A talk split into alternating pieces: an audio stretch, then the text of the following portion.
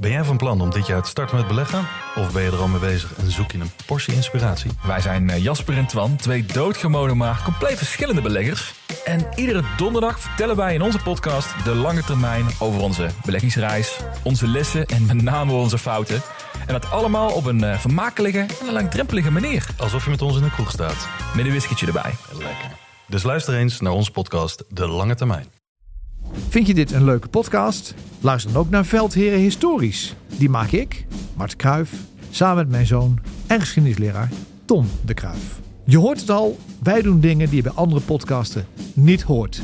Oftewel, to boldly go where no one has been before.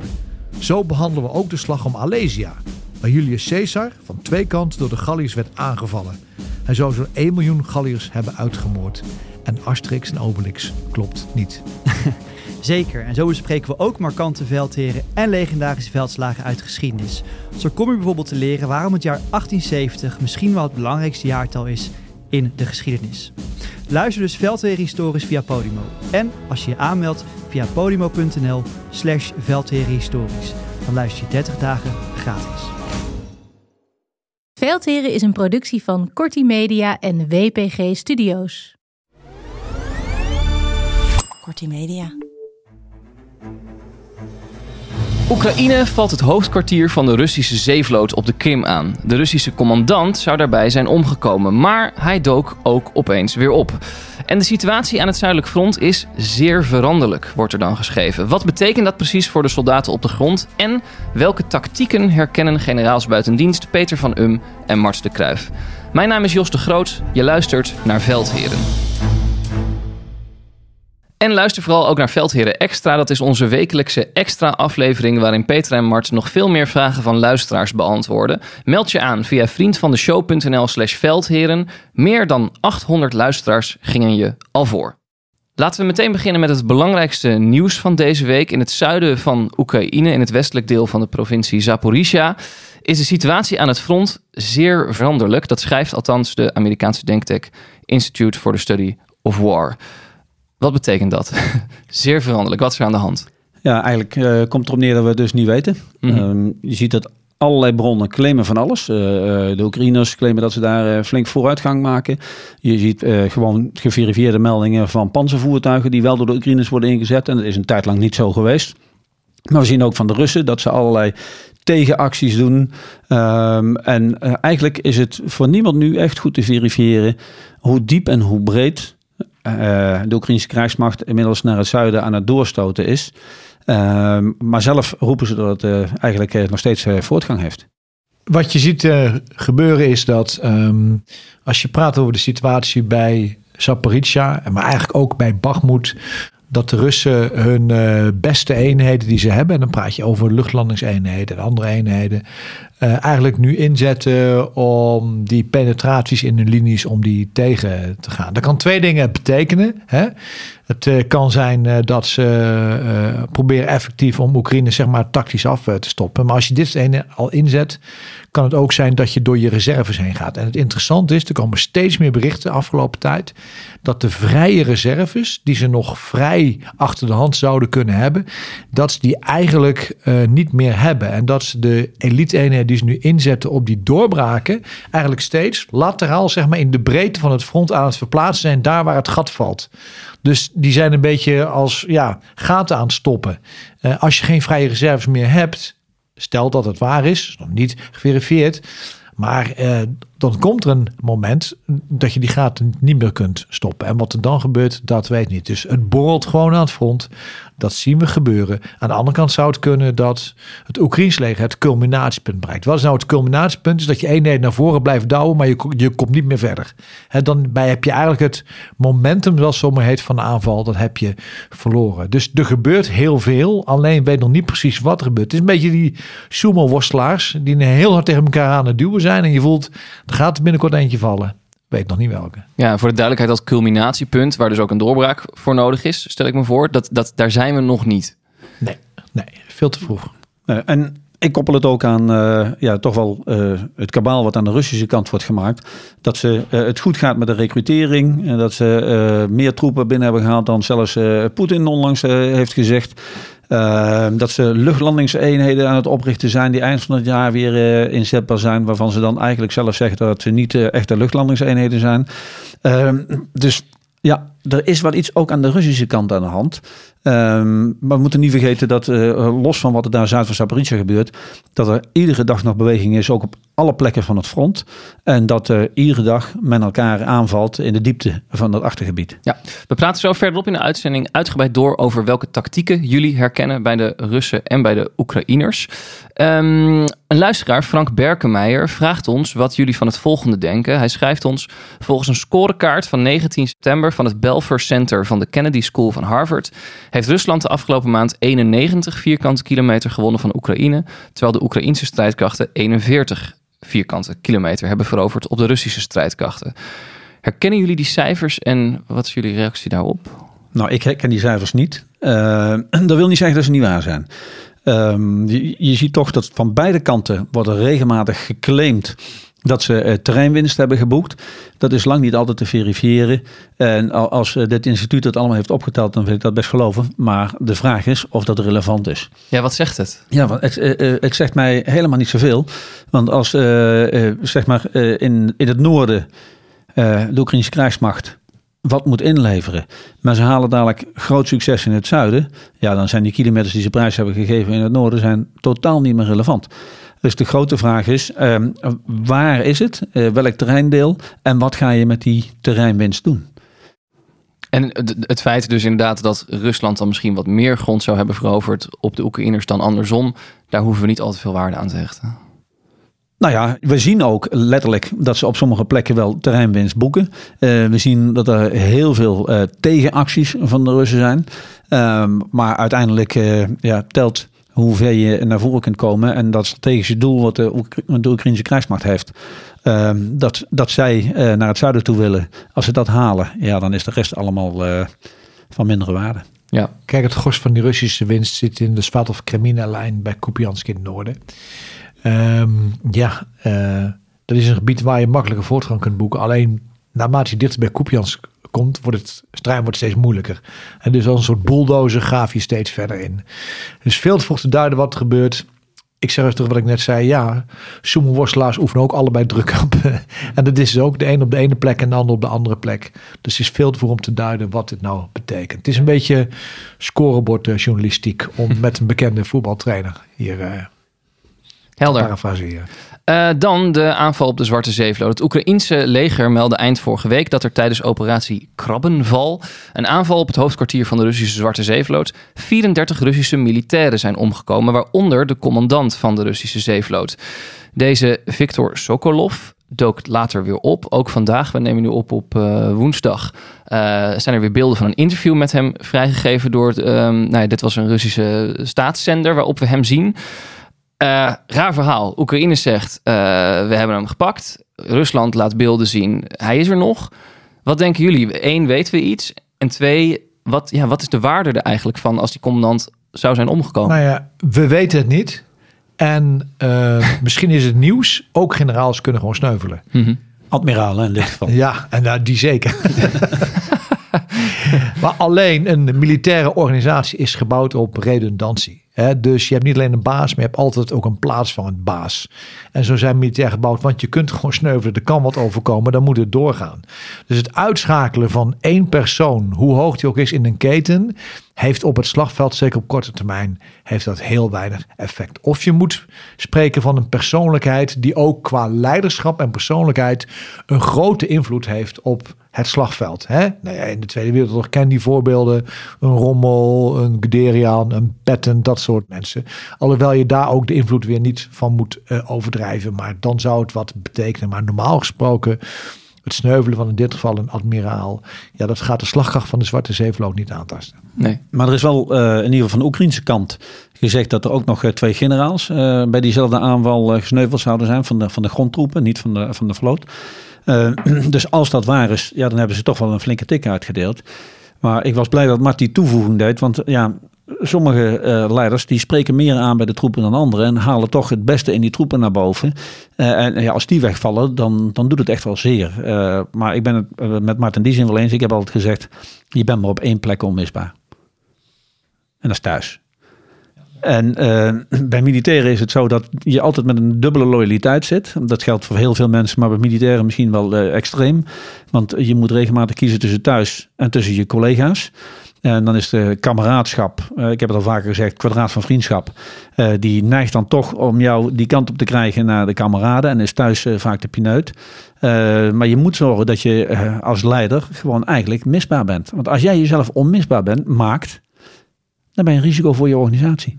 Is, is Oekraïne trots op deze operatie? Wat hebben ze nou eigenlijk precies gedaan? Nou ja, wat wel opvalt is, dit is echt een speciale operatie. Want ze Dus- geven zelf de details nog niet, hè? Nee, want die voer je uit met speciale eenheden. Ben je weken, zo niet maanden aan het voorbereiden.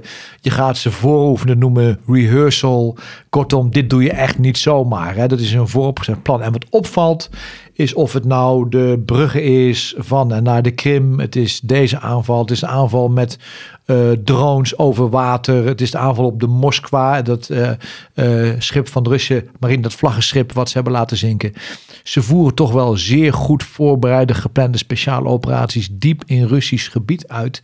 En dat zien we aan de andere kant, zien we dan zien we dat wat minder. De reden is gewoon moeilijk aantonen waarom het is, maar eh, we zien wel dat Oekraïne echt bewust speciale operaties in de diepte op de commandovoering van de Russen gebruikt om ze lam te leggen. Ja, en als het waar is, eh, wat van Oekraïnse zijde wordt gezegd, dat zij eh, inderdaad gericht op dat tijdstip, op dat moment, op die plek, omdat ze wisten dat daar een vergadering van hooggeplaatste officieren was, ja, dan zullen de Russen toch echt op hun hoofd krabben als dat waar is van hoe kan het nou dat die lui aan de andere kant dat wisten. En dan hebben ze hun inlichtingen dus goed voor elkaar. En dan zou je misschien ook een tegenreactie verwachten Ja, je, Rusland. Je, je ziet dat iedere keer eh, eh, Rusland eh, met, met allerlei drones en kruisraketten eh, terugslaat. Eh, voornamelijk op eh, economische doelen, op civiele doelen. En als ze de kans hebben natuurlijk ook op militaire doelen. Ehm, dus ja, eh, het, het is eh, standaard dat ze eigenlijk iedere nacht aanvallen. En dan plakken ze er wel een reden op. Ja. Kijk, eigenlijk wat je doet is een precisieoperatie, wat een speciale operatie is, die beantwoord je met massa. Hè? Eh, En, en, en dat is opvallend. Die precisie zien we nog minder terug aan de Russische kant. Ja, en als de Russen weten dat de Amerikanen dus blijkbaar attackums met een langere dracht gaan leveren.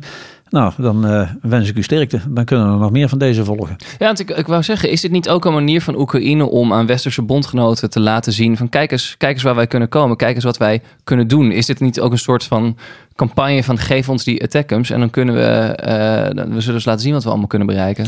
Nou, het, het probleem met die attacks is meer een politiek probleem. Want even duidelijk, dat zijn die Amerikaanse Ja. raketten die heel ver, Ja, eh, verre dracht hebben. Het is Ja. niet voor niks dat deze aanval op de Krim heeft plaatsgevonden. Hè? Want de Krim wordt heel duidelijk geclaimd door Oekraïne.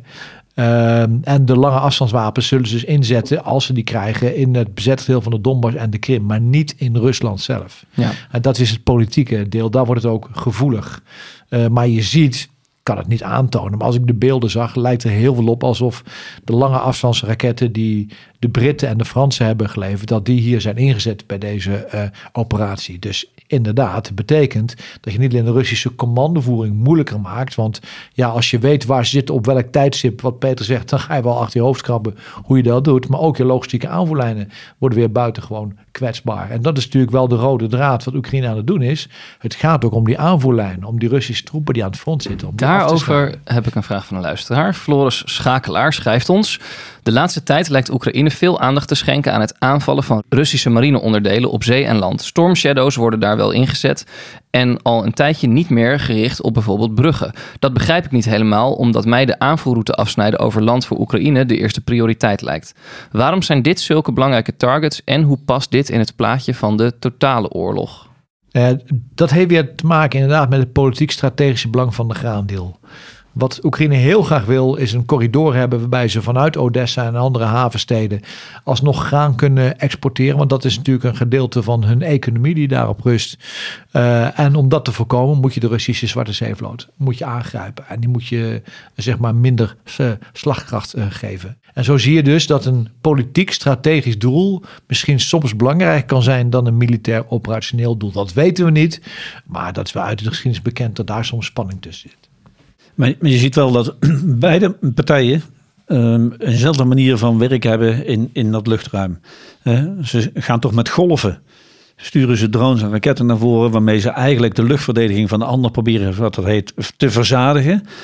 En dan uiteindelijk uh, in een volgende golf pas dan uh, proberen ze de luchtverdediging uit te schakelen, want daar staan de radars allemaal aan. En dan probeer je er doorheen te komen om het, doel waar het om gaat uiteindelijk uh, aan te grijpen. En dit is niet een, van de Oekraïnse kant, is niet een eenmalige actie. Je ziet dat uh, een paar dagen daarvoor was ook al een, een soort stafhoofdkwartier. was ook al aangevallen op de Krim. Je ziet dat ze de luchtverdediging voortdurend aanpakken. en zo proberen ze uiteindelijk toch ja, het steeds moeilijker te maken om en in de Zwarte Zee goed bezig te zijn voor de Russen. En in het zuiden van Oekraïne de troepen te bevoorraden en heen en weer te schuiven. We komen zo bij de tactiek op de grond. Um, laten we nog even stilstaan bij het wereldtoneel, want daar gebeurt ook van alles. In Washington werd Zelensky voor het eerst openlijk geconfronteerd met vragen naar het eindspel dat Oekraïne voor ogen heeft. Eerder al geven zes uh, Republikeinse senatoren en 23 Republikeinse afgevaardigden uit het huis een brief aan het Witte Huis waarin zij zich beklagen over Bidens steun aan Oekraïne, die ze open-ended noemen, dus zonder een duidelijk einde. Ze vragen hoe gaat het tegenoffensief? Staat Oekraïne er beter voor dan zes maanden geleden? Uh, en wat is onze strategie? En wat is de exit-strategie van de president?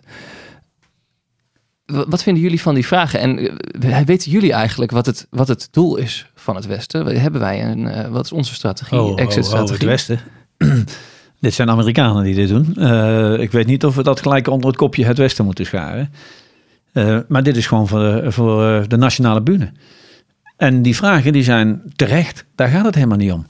Maar dat soort gesprekken voel je gewoon uh, achter gesloten deuren.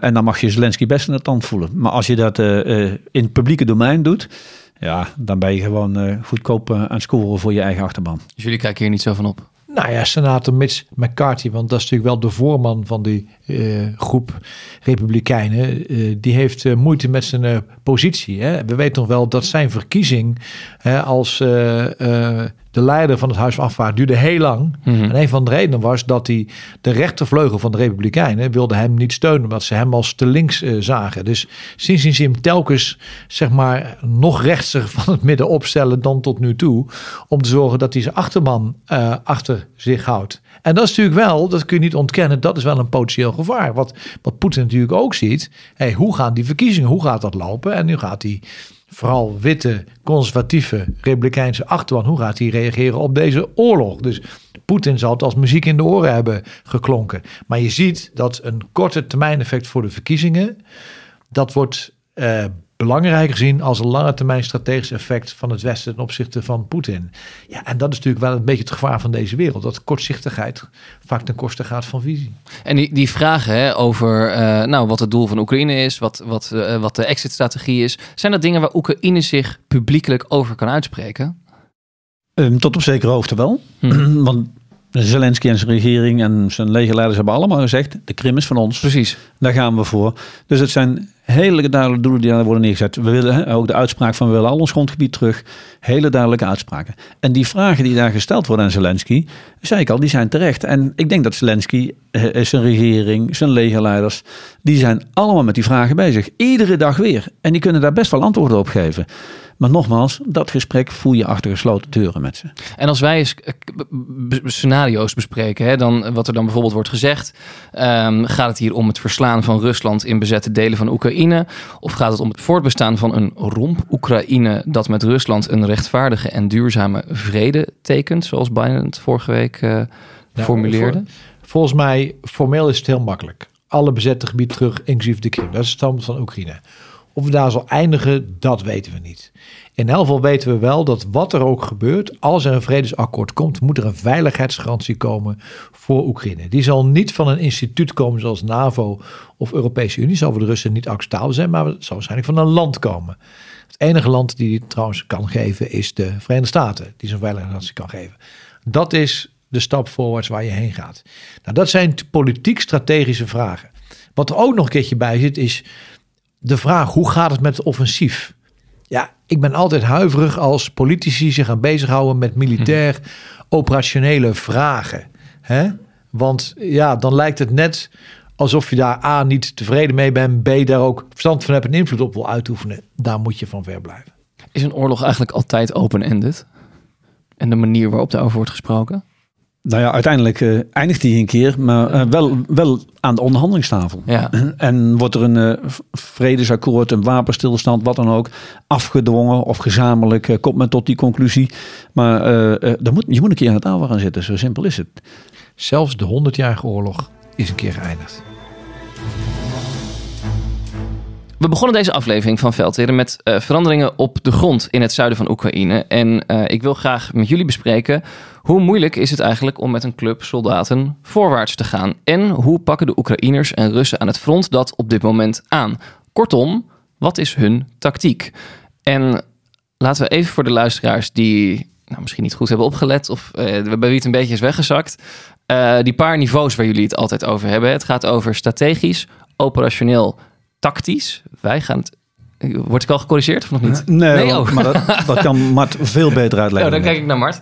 Eh, nog, dus nog even voordat we er- erin duiken Ja, hoe het er nu ja. aan toe gaat. Wat is het verschil tussen die verschillende niveaus van Ja, waar we het over ik wou dat het simpel was, maar ik zal het proberen simpel uit te leggen. Eén zin, Het nee grapje. strategisch niveau is, zijn de politieke doeleinden. Wat, Ja. wat wil je bereiken? In dit geval moet je zeggen het terugveroveren van Oekraïns grondgebied. En die worden ook door politici bepaald. Die worden door politici bepaald. Het tactisch niveau is militaire opdrachten. Dus je gaat morgen om vier uur ga je die heuvel innemen met die troepen en die gevechtssteun. En de vertaalslag van zeg maar die politieke doelstellingen naar militaire opdrachten, dat noemen wij het operationele niveau.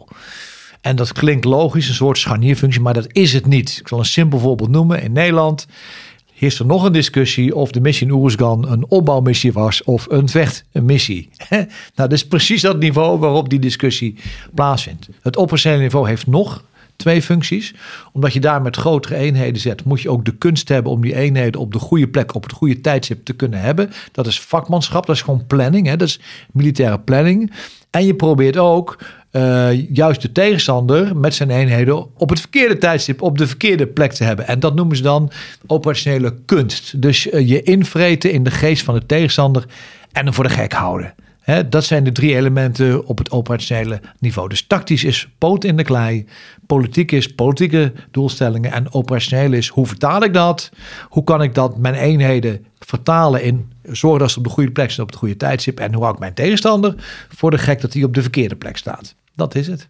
Maar dat betekent dat ook op het tactisch niveau gewoon gepland wordt. Hè? Mhm. Want anders dan zou je denken dat alleen maar in het operationele niveau uh, dan militair gepland wordt. Op het tactisch niveau worden gewoon ook uh, plannen gemaakt uh, en opdrachten uitgevoerd. En uiteindelijk komt het erop neer dat er ergens een sergeant met een aantal soldaten voorwaarts gaat of zich ter verdediging inricht.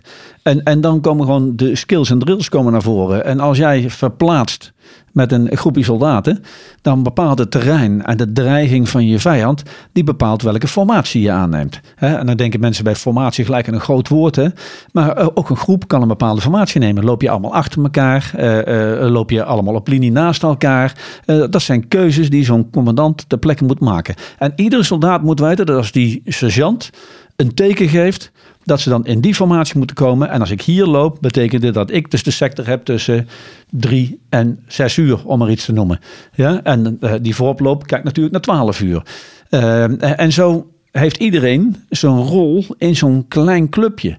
En naarmate de club groter wordt, geldt dat gewoon precies hetzelfde. Want als je uiteindelijk pelotonscommandant bent, en dat betekent dat je zeg maar circa 40 militairen hebt, en dan vaak is het uh, vier voertuigen, uh, panzerinfanterie voertuigen of tanks, heb je precies hetzelfde. Ga je in kolonnen rijden achter elkaar, ga je op linie rijden, ga je in kolonnen rijden en rij je dan met z'n allen gewoon in hetzelfde tempo, of zeg je dat het voorste voertuig stopt, want er is een grotere dreiging en die staat stil en kan beter waarnemen, en de tweede trekt dan weer bij. Uh, het zijn allemaal keuzes die zo'n jonge luitenant of een jonge sergeant moet maken om er uiteindelijk het maximale uit zijn club te halen. En om het nou eens te koppelen aan de actualiteit. Hè? Mm-hmm. Bachmoed en de gevechten bij Zaporizhzhia, dat is nou operationeel niveau. Waarom valt Oekraïne aan bij Bachmoed, terwijl het eigenlijk geen tactische waarde heeft? Omdat de Russen een hoge prijs ervoor hebben betaald. Dus de Russen kunnen Bachmoed niet prijsgeven. Wat doe je dan als je Bachmoed aanvalt als Oekraïne? Rusland moet zijn reserve erheen sturen. Maar die willen ze eigenlijk naar Zaporizhzhia sturen. Dus je confronteert jouw tegenstander met een dilemma. Dat is operationeel niveau. Terwijl in Bachmoed maakt niet uit dat je afleiding bent. Nee, je hebt gewoon een opdracht. Je houdt deze loopgraaf, je houdt dit trein vast, wat er ook gebeurt. Of andersom je, je noemde het al poten in de klei. Hè? Je hebt het ook altijd over eh, soldaten met, met, met een lunchpakket. Dus dat, dat, is, dat is zeg maar het, En een rugzak. en een rugzak. Ehm, als, je het, als je het zo omschrijft, dan klinkt het allemaal heel logisch. Dat heb ik al vaker bij jullie. Maar dit is natuurlijk oneindig moeilijk. Je, je schetst net hè, om hoeveel mensen het soms kan gaan, om hoeveel voertuigen het eh, kan gaan. Eh, hoe, ga, hoe ga je te werk? Hoe zorg je dat iedereen nou ja, terugvalt op zijn skills en drills, weet wat hij moet doen? Want het is ook altijd handelen in chaos, hoor ik van jullie. Ja, eh, ons vak is eh, beslissingen nemen en handelen in chaos en proberen daar orde in te scheppen. Maar uiteindelijk eh, is het oefenen, oefenen, oefenen, trainen, trainen, trainen. Zodat die skills er allemaal in zitten. Zodat een, eh, een, zoals een dat noemen wij een groepscommandant, die geeft een teken. En iedereen weet op dat moment, we gaan die kant uit en die formatie. En dan hoeft er niet meer gecommuniceerd te worden, want het is helder voor iedereen. Eh, dat geldt ook voor als je met vier voertuigen gaat. Worden dat er meer, ja, dan moet je toch uiteindelijk op een andere manier gaan communiceren. Ehm, maar, maar uiteindelijk moet die sergeant die afweging maken. En wat je nu in, in, in deze oorlog heel erg ziet, is dat we, wij hadden bij het Westen nog het idee dat veel gemechaniseerd zou zijn met panzervoertuigen, met tanks en dergelijke. En deze oorlog wordt toch met name te voet uitgevochten. En je ziet aan de Oekraïnse kant dat ze voorwaarts proberen te gaan door met kleine clubjes iedere keer weer een loopgraaf extra, weer een stukje terrein te winnen. En als je aan de Russische kant kijkt, ze doen eigenlijk exact hetzelfde. Je ziet dat er nu heel veel sprake is van storm of stormzeteenheden, die eigenlijk precies hetzelfde doen als de Oekraïners. Gewoon mensen die proberen een stukje eh, land van de ander in te pikken en hem daar weg te drijven. Het is uiteindelijk man tegen man. En, en- en net wij zeggen, het is ook gewoon een vak. Kijk, je moet, die skills en drills, die moet je erin rammen, zeg maar. Maar de omstandigheden wisselen steeds waarin ze moet gaan gebruiken. Dus het leuke is, als je aan een willekeurige sergeant op de vliegtuigtrap vraagt, ben je klaar voor een missie? Dan zeggen 9 van 100 nee, want ze zijn nooit klaar. Ze zijn nooit klaar. Het vak is nooit klaar. Hè? Je kunt het altijd nog beter eh, doen. En, en dat komt niet alleen omdat het zo moeilijk is, maar je weet ook, als we het niet goed doen, gaat het over leven en dood. Hè? Dit, is, dit is iets anders dan eh, een winkeldrijven. Dit gaat over leven en dood. Dus je doet het eigenlijk ook nooit goed genoeg. Ja, ik heb eh, bij de luchtmobiele brigade hadden we een oefening. En aan het eind van die oefening hadden we gewoon tijd over. We hadden alle acties die we gepland hadden, hadden we gedaan. En nu is het bij de luchtmobiele zo dat iedere militair van die brigade is basis-infanterist. Zo noemen we dat. Maar de infanteriebataljons zijn daar nog beter in dan de mensen van de logistiek of van de mortieren.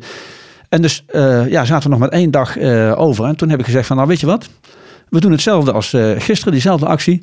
Alleen nu gaan de mortiristen, de genezerikken, de bevoorraders, de transporteurs, die gaan allemaal als infanteristen optreden. Niet in je logistieke rol, maar als infanterist. En doen we precies dezelfde actie. Want jullie zeggen dat je dat kunt. nou, ik, ze hebben het mij niet verteld, maar ik heb het gehoord. Dat ze s'nachts allerlei vriendjes van de infanterie naar zich toe hebben gehaald. Om nog even vlug alle skills en drills door te nemen.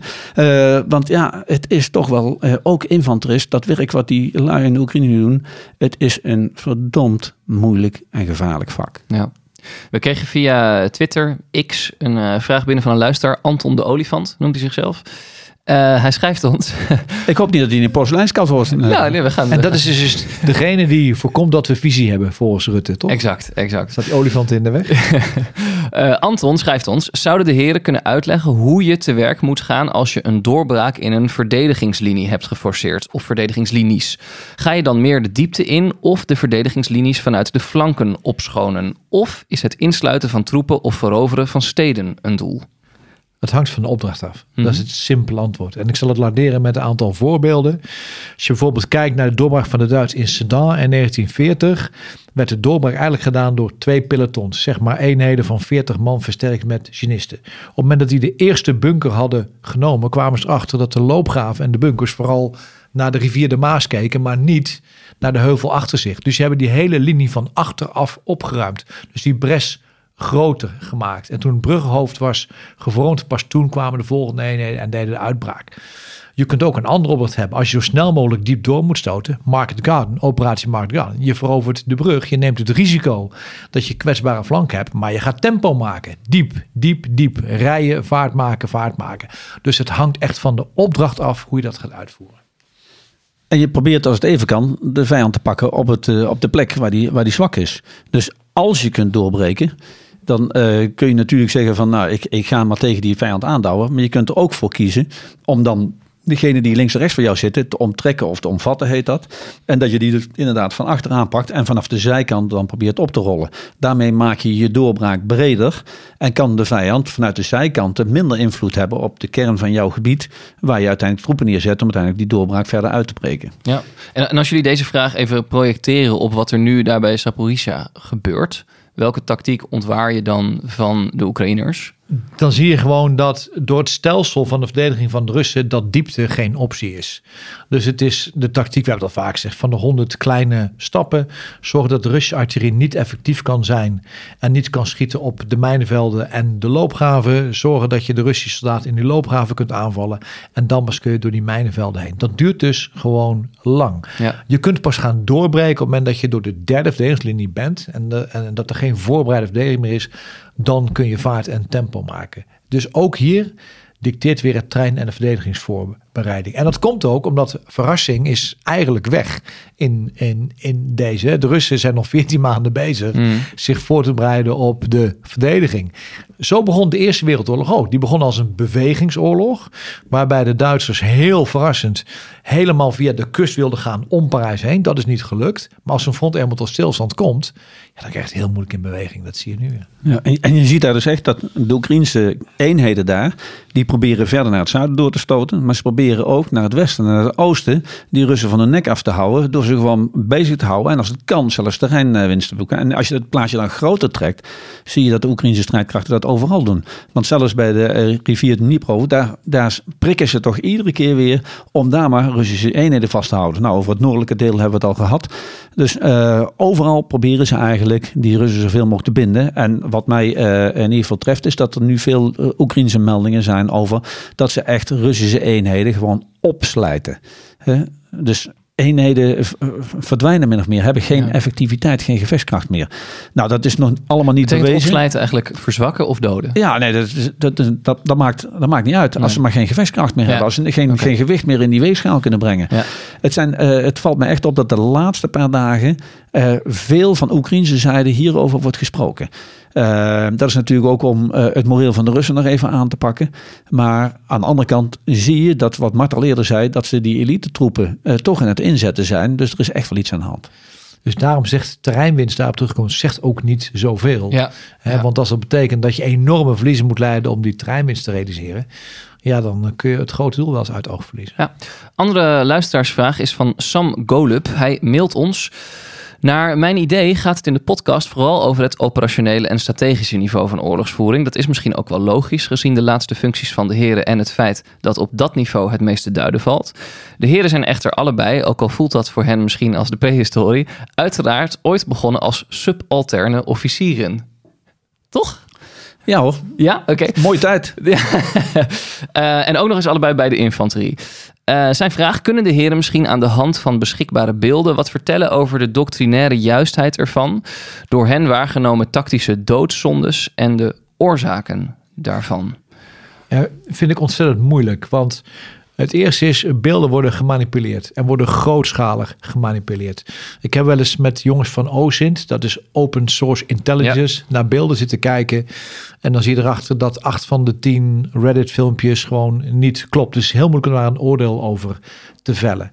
Ehm, wat, je, wat je wel ziet, gewoon in rode draad, is dat eh, massa komt eigenlijk niet zoveel voor. Als je kijkt naar die beelden van deze oorlog, zijn het vaak eh, losse groepen, infanteristen, een beetje als de stoostroeps die de Duitsers aan het eind van de Eerste Wereldoorlog hadden, die met een heel specifieke opdracht optreden. En dat zie je tot op tot heel lage niveau. Maar om echt een oordeel te kunnen vellen of alles tactisch juist gaat, dat is heel moeilijk.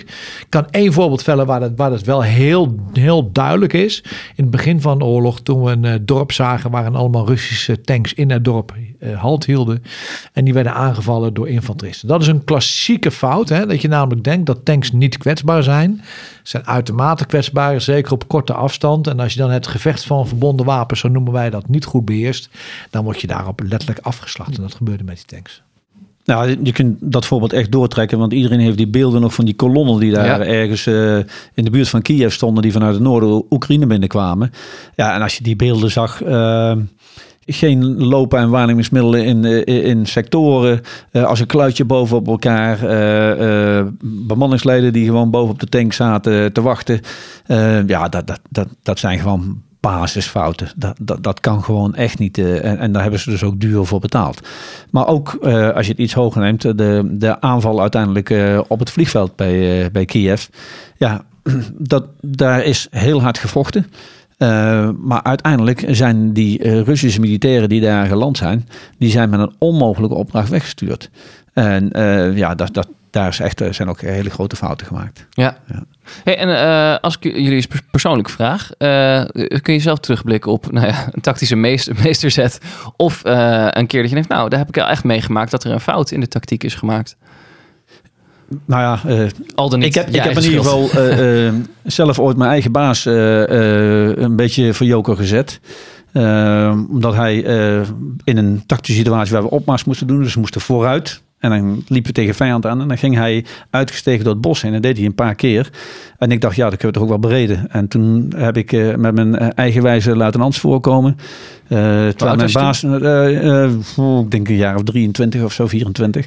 En ja, mijn baas ging met alle uitgestegen militairen zijn 100 man achter zijn kont aan door het bos om die vijand van de flank aan te vallen. En ik moest de vuurbasis met de voertuigen doen. En toen dacht ik van ja, het is wel goed. en toen ben ik dus gewoon naar het doel toe gegaan en heb het, doel bereden genomen, om het zo maar te zeggen. En toen hij uit het bos kwam, kon hij instijgen en gingen we weer verder. Nou, dat heeft hij mij wel duidelijk gemaakt, toch? We hebben die dag niet meer met elkaar gesproken. En aan het eind van de dag was de oefening afgelopen. En ehm, toen controleerde ik de kolonne. Dat was ook mijn, eh, mijn, eh, ja, mijn taak. En dan loop je nog een keer langs alle voertuigen. Alles goed in orde. En ik ben bij het laatste voertuig. En, en mijn baas zei rijden. En hij liet me binnen in Duitsland staan. Eh, dat ben ik niet vergeten. Daar stond Peter van Hum. ja. Eh, die les die was wel binnengekomen. ja, ja, ja, ja. Nou, is allemaal goed gekomen, toch? Ja, het is goed gekomen. Het is nog steeds een van mijn beste vrienden. Nou, kijk aan. Kijk, tactische blunders, daar kan ik zo een boek over schrijven. Dat is niet- ik wil zeggen, ik dacht, ik dacht, jij gaat zeggen, dan kun je Marten Kuif niet op, op betrappen. Nou, zeker, zeker. Maak je geen zorgen tot de anekdotes aan, eh, eh, eh, aan toe. Maar ik heb ook wel meegemaakt dat, dat de grote eenheden van bataljons grote gewoon verkeerd reden in een kolonne. Omdat ze niet het verschil wisten tussen Aken, Agen en Aix-la-Chapelle. En dan kregen ze een briefje waarop stond hoe ze moesten rijden. En dan namen ze de verkeerde afslag. En er stonden gewoon 80 panzervoertuigen midden in de stad Aken. Omdat ze het woord niet eh, goed kennen. Dat dingen komt allemaal voor. En dat betekent ook, het trainen betekent ook gewoon fouten maken. En leren van je fouten. Dus, dus ja, eh, dat, eh, eh, dat is zo. En, en je leert ook als militair dat je soms besluiten moet nemen. Op grond van de helft van informatie. En je gewoon niet weet of je op dat moment gewoon het goede doet. Eén ding weet je wel, als ik nu geen besluit neem, gaat het helemaal fout. Maar je weet niet wat de consequenties daarvan zijn. En ik weet ooit een keer dat we op Hohenfels zochten. Hohenfels is een Amerikaans oefentrein, zeg maar. Dat is één groot lasergame, zeg maar. Waarbij Amerikanen optreden als Russen. Dat klinkt raar, maar die treden als Russen op. En als je daar tegen vecht, dat is best wel een uitdaging. Op een gegeven moment waren we tegen aan het vechten. En mijn baas zegt, Ja, en even maar waarom. Want die lui zitten altijd op dat terrein. Ja, dus die altijd. kennen iedere Ze hoek, kennen ieder alles. gaatje. alle kennen gaten kennen. Dus je altijd krijgen we een klap. En mijn baas zei, generaal Zijn zei, eh, stop maar. Dan zegt hij, change of mission. En ik, ik zeg, waarom moet ik stoppen? Ik ben lekker bezig. Ik heb nog een reserve achter de hand. Volgens mij gaat het goed. Nee, dus ik was echt een beetje eh, boos, zeg maar. Mhm. En na tien dagen oefenen ben je wat eerder boos, zeg maar, dan normaal gesproken. Dus hij zei op een dwingende toon, meld je maar even bij mij. Dus ik rijd naar hem toe. Ja, en er waren geen Amerikanen meer over. Die waren allemaal uitschakeld. Ik had geen idee. Ik wist het gewoon niet. Dus er roept iedereen briljant plan, fantastisch. Ik, ik wist het gewoon niet. Dus het zegt iets De over. je communicatie deed niet meer of zo. Of de het communicatie deed wel, maar je hebt, je, je hebt zelf geen televisiebeeld waarop je kunt tellen hoeveel vijand er nog is. Dus je moet altijd een besluit nemen op grond van de helft van de informatie en maar hopen dat je dan goed hebt. Dus het gaat niet zozeer om het succes, maar om het feit dat je dus besluiten moet nemen. Ja, en soms gaat het fout. En we hebben soms moeite als burger of als politicus om te accepteren dat militairen besluiten moeten nemen op grond van de helft van de informatie.